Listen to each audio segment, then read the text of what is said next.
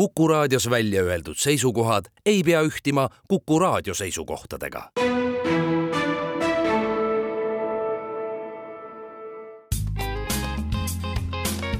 ärimeeter, põnevad vestlused kinnisvarast, majandusest, keskkonnast ja jätkusuutlikust arengust toob teieni Ülemiste City arendaja Tehnopolis Ülemiste. tere tulemast kuulama raadiosaadet Ärimeeter täna vestleme kirgi kütval teemal nagu pangandus eh, ning tänasteks saatekülalisteks on eh, väga pikaajalise panganduskogemusega Swedbank Eesti juhatuse esimees Olavi Lepp, tere Olavi! tere! ning Coop Panga juhatuse liige ja äripanganduse juht Arko Gutmann, tere Arko! tere, tere! mina olen Ülemiste City linnakut arendava ettevõtte Tehnopolis Ülemiste juhatuse esimees ja ühtlasi ka käesoleva saate saatejuht Gert Jostov kuulajatel teadmiseks, et lisaks Kuku raadio eetrile saab saadet järele kuulata kuku.ee veebis ja Spotify's.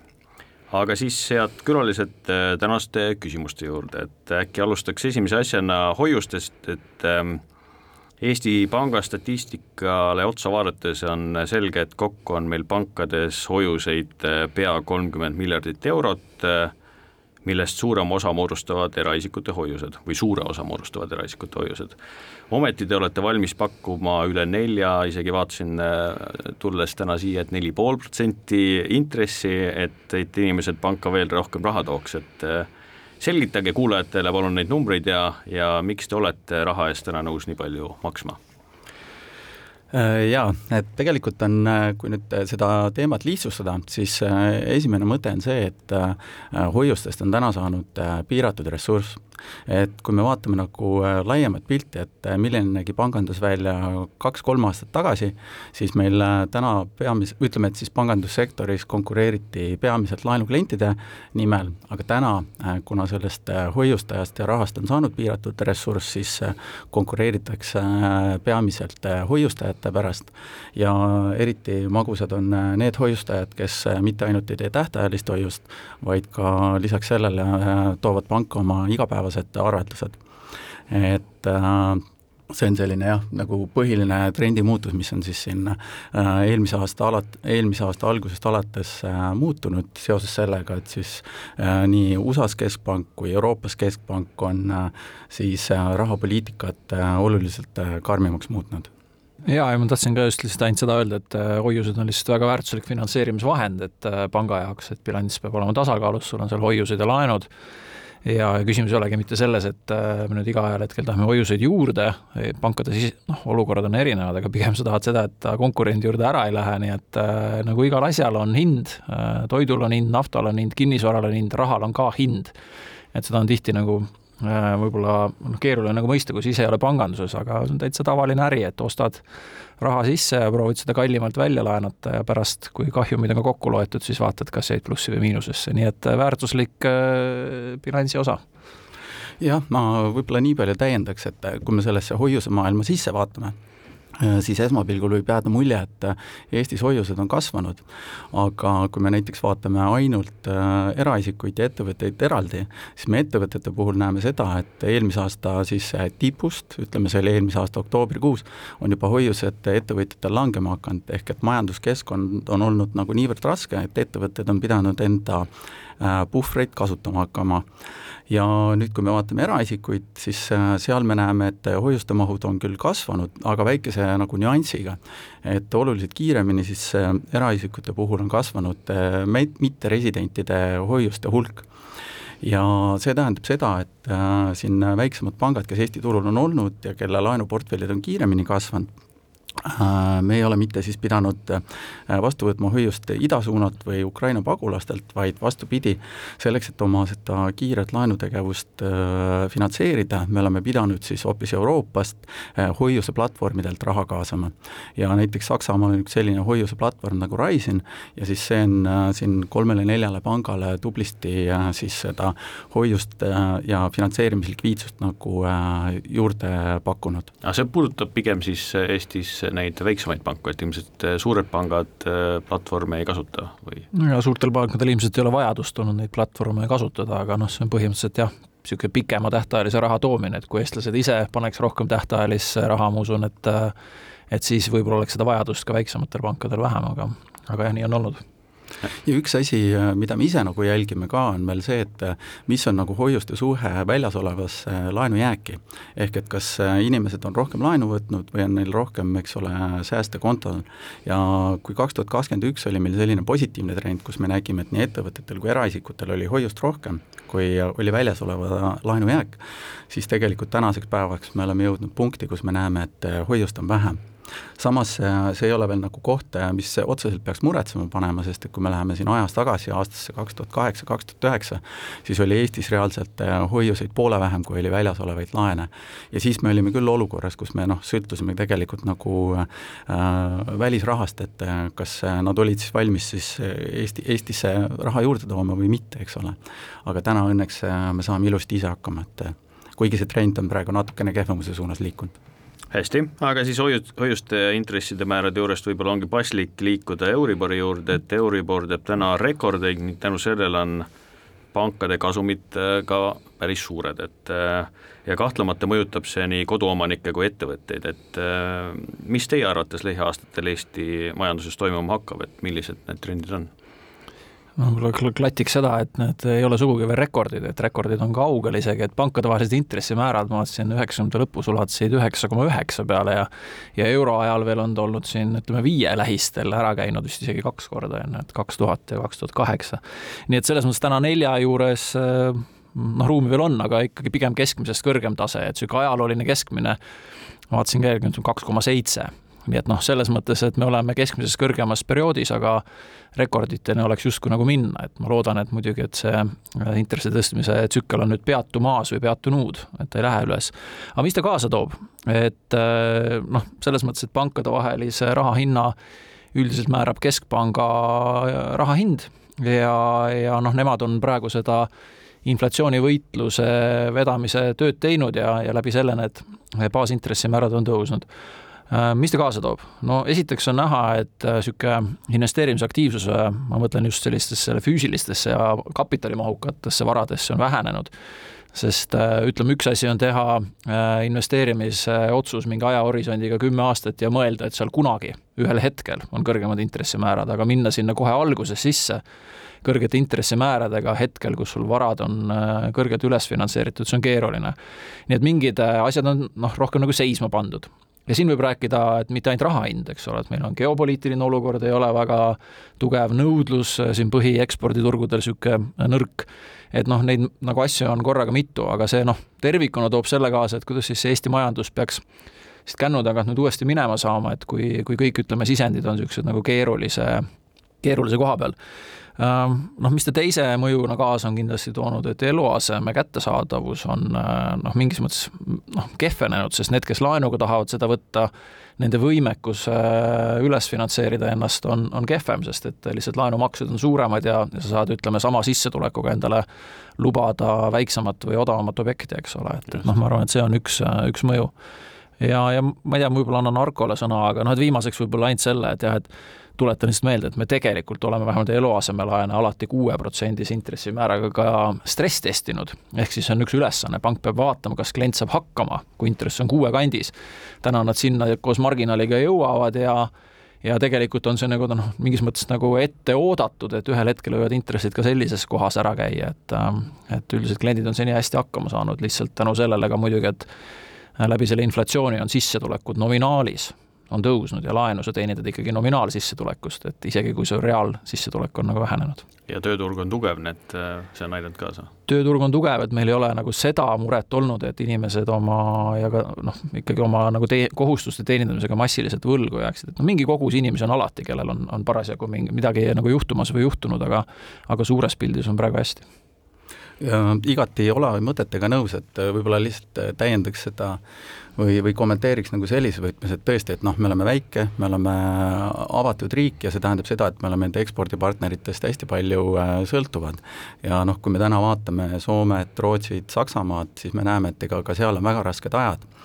ja teine mõte siia juurde on see, et et äh, meil on täna see majanduselu hästi palju sõltuvaks muutunud keskpankade käitumisest. ja noh, täna nad on ju selgelt, nii palju tuleb neile au anda, et nad on selle ausalt välja öelnud, et äh, nende üks prioriteete on täna inflatsioon saada äh, ohjesse ja kui me vaatame, mis nüüd see inflatsioon on teinud, eks ole, et siis eelmine aasta euroala tipp oli seal umbes kümne protsendi juures, täna on see kukkunud alla viie protsendi juurde, aga siht on jõuda kahe protsendi juurde, mis tähendab seda, et, et ilmselt ilmselt äh, Euroopa Keskpank äh, äh, praegu veel leevendamise teed ei lähe, vaid nad hoiavad seda karmi rahapoliitika joont ja kui see inflatsioon nüüd peaks samas tempos alla tulema, noh siis me võiks arvata, et näiteks järgmise aasta algusest võiks ka Euribor hakata alla tulema. Ja kui juba Euribor on hakanud alla tulema, siis ma ütleks, et me liiguks ka sellises reaalmajanduses tava Äh, elu suunas ja ütleme, et seal aasta teises pooles võiks siis juba hakata äh, ilmnema positiivseid märke meie majanduselus ka. hästi, aga head kuulajad, teeme siinkohal oma saatesse väikese pausi. ärimeeter põnevad vestlused kinnisvarast, majandusest, keskkonnast ja jätkusuutlikust arengust toob teieni Ülemiste City arendaja Tehnopolis Ülemiste head kuulajad, Ärimeetri saade on pausilt tagasi, meie tänased külalised on Olavi Lepp Swedbankist ning Arko Kurtman Coop Pangast. mina olen saatejuht Gert Jostov ja tänase saate teemaks on pangandus. aga head külalised, jätkame kinnisvara poolega, et kinnisvarasektor on, on selgelt langevas trendis ning kraanasid on linnapindis aina vähem, et et milline sellise valguses on laenunõudlus koduostjate poolt ja milline arendajate poolt ma hakkaks võib-olla kõigepealt eh, jah, sellest peale, eks ole, kui me räägime kinnisvarast, siis seal on eh, noh, laias laastus me võime selle jagada nagu kaheks, et on eh, rahavooga kinnisvara ja siis on arendatav ja reeglina siis elukondlik kinnisvara, et et kui me vaatame siis rahavooga kinnisvaratehinguid, siis noh, need on tõesti, nagu sa ise ka ütlesid, sellel aastal tugevalt languses. Ja noh, seal on tunnetada selgelt seda, et äh, nii ostja kui müüja, siis nad on kuskil nagu teine, teisel pool kallast, eks ole, ja nad kokku kuidagi ei saa, eks ole, et äh, sest äh, müüjatel täna otseselt veel müügisurvet ei ole, aga jällegi ostjal teistpidi tänases intressi, kõrges intressikeskkonnas ei ole ka nagu mõtet neid ostutehinguid teha. Ja aga kui nüüd rääkida elukondlikust kinnisvarast, siis ma ütleksin niimoodi, et äh, ka seal äh, võetakse vähem äh, elu, elu, elukondlikuid arendusprojekte ette aga tugevamad arendajad tugevamaid projekte siiski teha julgevad. ainult millega siis noh, siis on täna tulnud arvestada, on see, et sul müügiperiood on pikem. ja kui me nüüd vaatame teistpidi siis kodulaenu võtja poolelt, siis me oleme tegelikult tähendanud sellist huvitavat trendi, et et tullakse pigem küsima enda maksimaalset laenuteenindusvõimet, omamata veel selgest nägemust, et millist vara inimene soovib koduks osta. et selline huvitav nähtus on nagu tekkinud ja siis siis me nendele päringutele ka samas hea meelega vastame ja loodame, et kui ikkagi see kodu leitakse, et siis saame ka siis seda kodulaenu neile väljastada soovitud äh, või sobivatel tingimustel. Ja ma võib-olla selle kodumajapidamiste juurde lisaks, et äh, seda on palju siin räägitud, aga et äh, noh, ütleme niisugune taotluste arv on väiksem, aga küsivad need, kes ka lõpuks tehingusse lähevad, nii et selles mõttes, et kui taotluste arv on oluliselt väiksem, siis samal ajal ütleme, et tehingute arv, uute eluasemelaenude arv äh, nii palju väiksem ei ole kui eelmisel aastal. Ja, ja lisaks siis ütleme, noh, ütleme mingi kakskümmend viis protsenti vähem lepinguid, aga samas on keskmine objekt kallim, äh, mis on ikkagi, et ja seal ei ole nagu väga sellist nagu trendimuutust olnud mistõttu ütleme, väljastatud uute eluasemelaenude maht on ütleme, niisugune viisteist protsenti väiksem kui, kui eelmine aasta, eks ole, et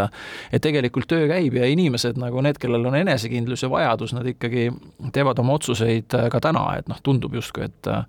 et need numbrid on nagu suured, aga see tähendab seda, et sajad inimesed iga nädal võtavad eluasemelaenu ja lähevad oma asjadega edasi, et et see on nagu niisugune üks osa sellest, mida, mida meie oleme märganud, et aga loomulikult, nagu ma enne ka ütlesin, et kättesaadavus on halvenenud, et kui sa paned selle kõrgema intressiga keskkonda ennast, siis sa kohe näed, et see, mida sa saad endale lubada ruutmeetrites, on vähem. et ja, ja inimesed siis, mõni ootab mingit langust, mõni ootab sissetuleku suurenemist ja noh, nii see elu käib. ma just äh, enne stuudiosse tulekut vaatasin neid äh, mahte ka, eks ole, et äh, palju on siis eelmine aasta kaheksa kuuga väljastatud eluasemelaene ja palju on siis sellel aastal väljastatud ja eelmine aasta oli siis suurusjärgus seal üks koma neli miljardit ja noh, sellel aastal oli siis üks koma üks miljardit, et noh, tegelikult mm. uut laenu ikkagi koduostjatel üks koma üks miljardit on välja antud.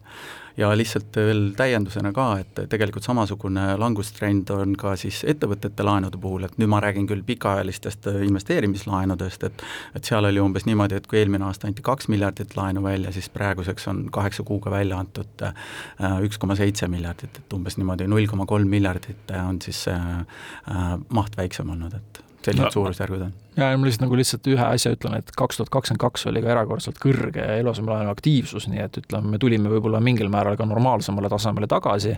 Ja jah, ettevõtete laenudega on jah, seal on mõnikord isegi keeruline võrrelda, kuna üksikud tehingud võivad väga palju pilti muuta, aga jah, mingisugust kerget sellist vähenemist on märgata küll kokkuvõttes ma julgen küll Olavi eest ka rääkida, et kodulaenu anname me väga hea meelega, et ja, kui numbrid kokku jooksevad. hästi, aga äh, rääkides laenu andmisest, et kas on mingid sektorid näiteks, kus te tunnete ennast kindlamalt, et mis saavad nagu paremini finantseeritud, et ja, ja mõned sektorid, äh, kuhu hea meelega täna mingil põhjusel laenu anda, kas ei taha või ei saa? Noh, kokkuvõttes see kõik algab alati igal pangal äh, omanikust ja tema riskiisust, et see on nagu lausa kohustus omanikul öelda, millist riski ta soovib võtta, et seda ei saa keegi teine tema eest teha, et juhatuse ülesanne on siis selle riskiisu piirides proovida võimalikult head äri teha pikas jooksus. et äh, meil on muidugi mingisugused äh, noh, mingid asjad, mida me üldse ei tee, aga, aga need on noh, need ei ole ajas muutunud, need on samad nagu, et äh, et pigem, et kui küsida, et kellega me tahame äri teha, siis äh, krediidikomitee liikmena ikkagi me omavahel oleme arutanud siin, ütleme, et tugev ja kogenud vastaspool, kes teab, mis ta teeb ja rahavoog, millesse me usume, et siis on kõik ülejäänud on juba juba tööküsimused, kuidas tagatised ja struktuurid nagu kokku saada. nii et ütleme, sektoriti, loomulikult meil on oma sektori plaan, et kuhu me tahame rohkem teha ja kuhu vähem, iga, kõik sektorid oleme üle, üle vaadanud ja suuremad kliendid sealt ja väiksemad kliendid läbi sõelunud ja mõelnud, kus me tahame minna. üks asi on, mida meie tahame, teine asi on, mida kliendid tahavad, nii et noh, et ju me siis ju me siis kuskil seal keskpõrandal kokku saame, et aga ei, plaan on suhteliselt aktiivne ikkagi, et jätkata ettevõtete finantseerimist ja see aasta on meil vähemalt olnud üle ootuste hea aasta isegi no ma ütleks siia juurde ka nii palju, et äh, meie ka põhimõtteliselt sektoripõhiselt midagi ei välista, et äh, et sul on ikkagi igas sektoris, sõltumata ajast, on häid kliente ja on äh, võib-olla siis neid kliente, kellel on ka raskem. Ja noh, kõik algabki nagu ikkagi kliendi finantseerimisel abc-st, eks ole, et sa kõigepealt vaatad vastaspoole kogemust, tausta, tugevust, eks ole, siis sa vaatad, milline võiks olla see finantseerimise struktuur, et milliste tagatistega ja nii edasi. Ja, ja me leiame küll, küll, et et noh, tegelikult äh, klientide jaoks peab olema nii headel kui halbadel aegadel olemas ja noh, ei tohi nii-öelda stepslit seinast välja tõmmata, et tuleb leida need sobivad lahendused mõlemale osapoolele ja ja praegu finantseerime ikkagi ettevõtjaid väga hea meelega. no ma lihtsalt tahtsin ühe asja öelda, et kui, kui nagu vaadata, et äh, kus need uued investeeringud seisavad, siis tõenäoliselt ikkagi seal, kus on nagu probleeme, on ju, et, äh, et ühiskondlikult ja noh, ma ütleks, et energeetika on üks asi, mis vajab mingisuguseid pikaajalisi lahendusi ja meie oleme valmis finantseerima, aga ma olen seda mitu korda ka rääkinud, et selleks on vaja, et nende ettevõtjate rahavood oleksid kuidagigi äh, ettepoole prognoositavad kaugemale kui üks aasta, eks ole, et meil on vaja mingisugust selgust, et mis on energeetika soovitav niisugune nagu käekäik Eestis ja, ja siis on tegelikult need projektid ka finantseeritavad, kui nad lähevad lihtsalt turu vastu ja, ja mingisugused negatiivsed hinnad ja ja, ja muud olukorrad, siis noh, tegelikult seda ei saa finantseerida sellise klassikalise pangalaenuga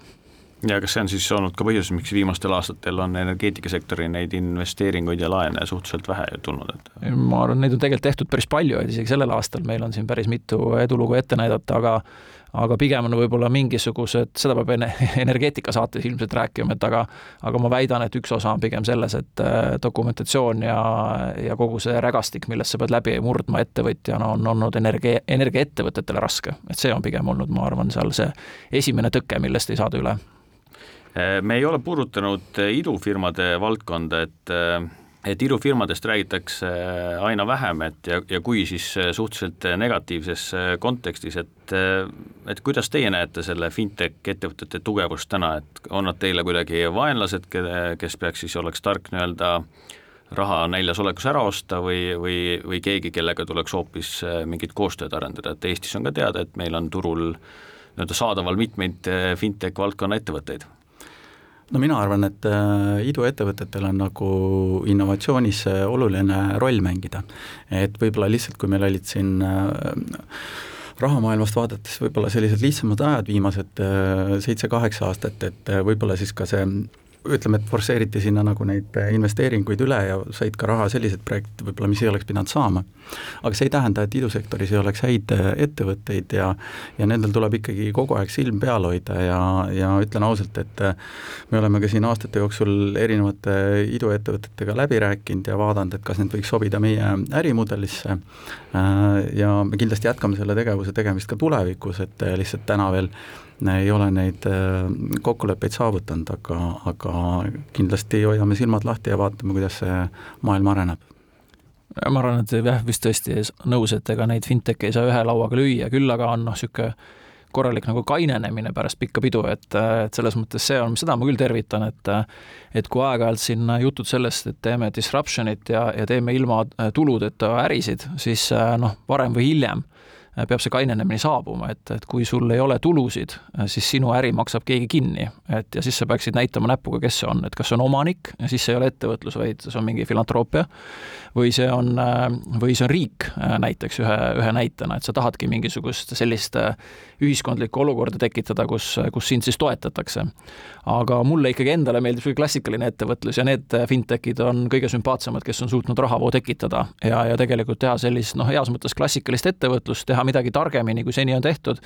ja seal täitsa all in kõik, kõik koostöövariandid ja kõik on, on tehtavad. aga võib-olla need formaadid, kus tulusid üldse ei ole ja, ja prooviks lihtsalt teha midagi tasuta, no ma arvan, et see on väga hea, et niisugune kainenemine on toimunud, et äh, üldiselt teenustel on hind ja, ja, ja asjadel peab olema ka kuskil rahavoog. aga pigem vaatan mõõduka uudishimuga, et mis nad nüüd seal edasi teevad.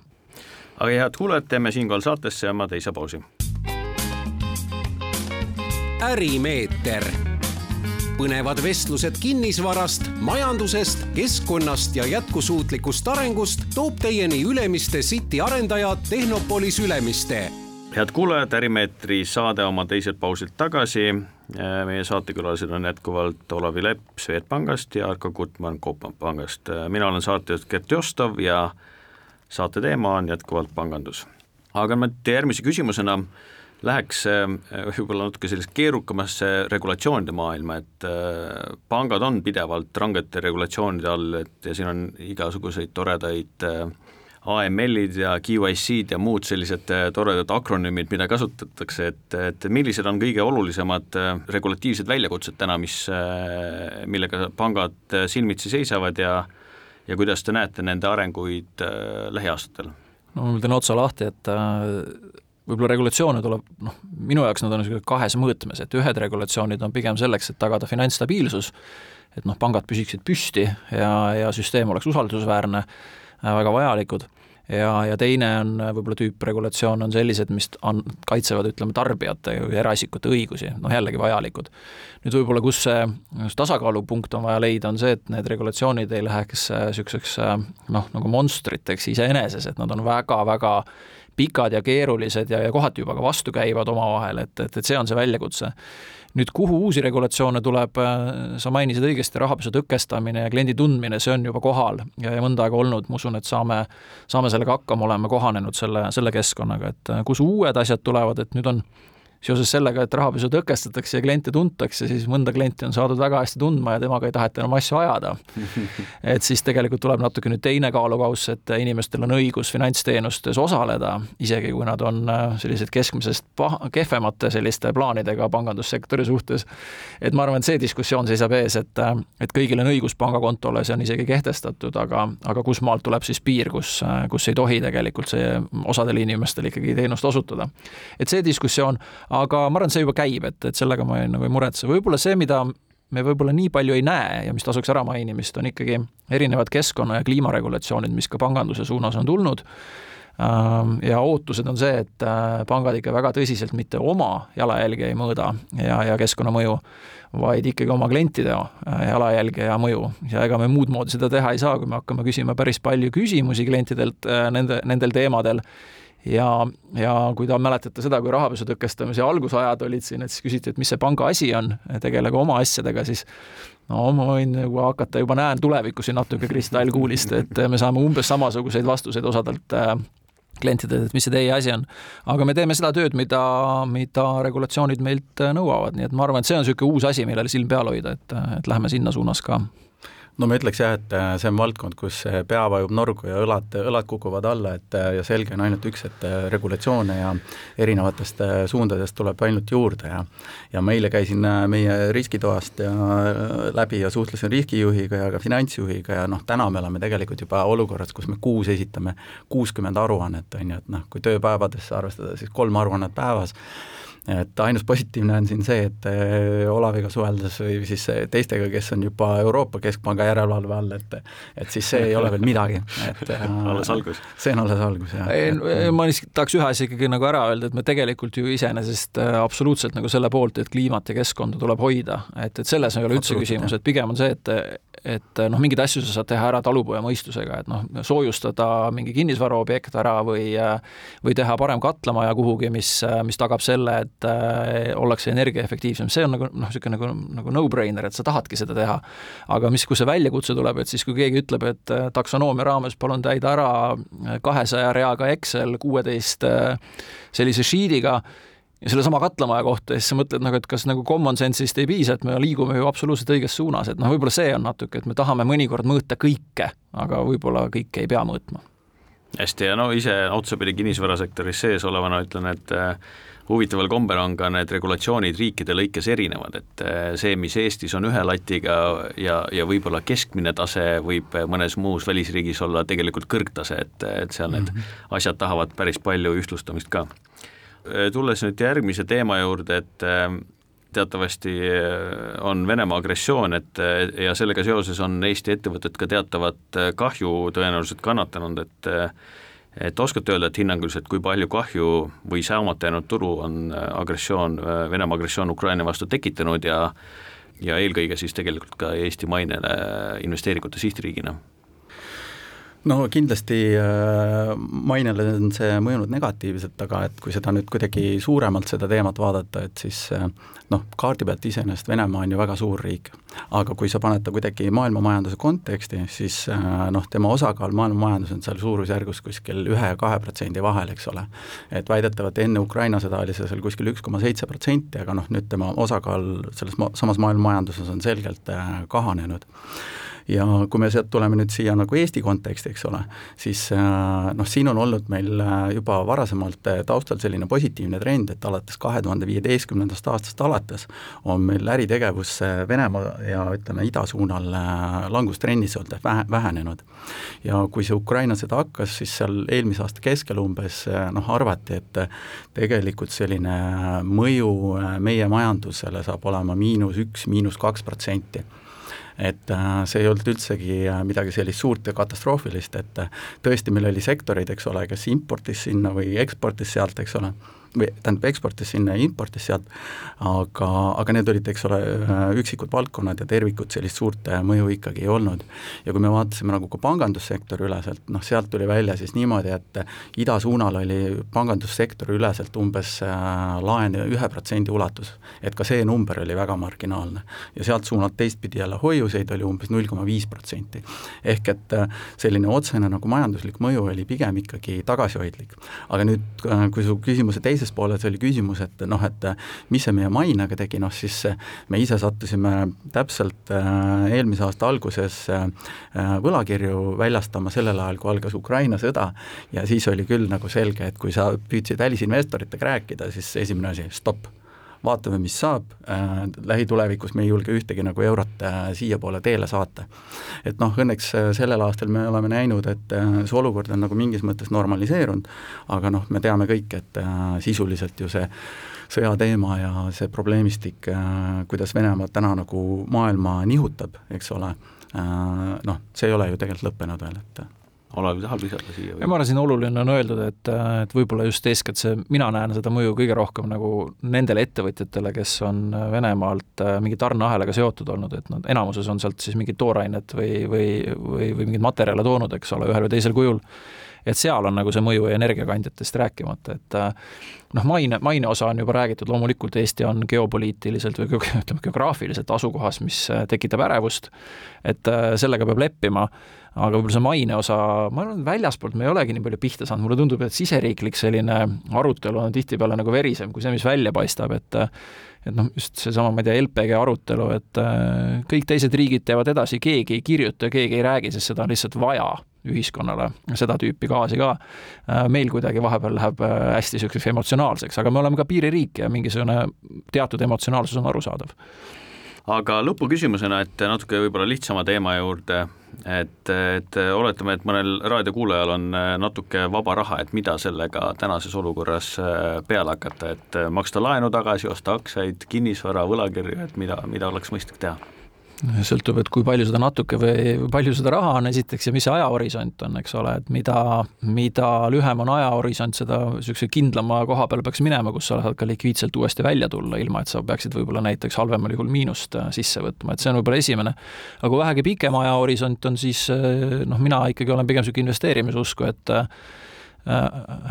üks variant on alati alustada ettevõtlusega, seal on ka oma riskid, eks ole, et aga võib-olla kui kui sellise klassikalise soovitusena, mida mina viimasel ajal olen öelnud kõigile, kes küsivad, et äh, otsi endale mõni huvitav investeerimisfond äh,, millel on madalad haldustasud, et äh, sinu eest otsitakse välja parimad investeerimisobjektid ja, ja tehakse see kodutöö ära, et noh, on see tehnoloogia, farmaatsia,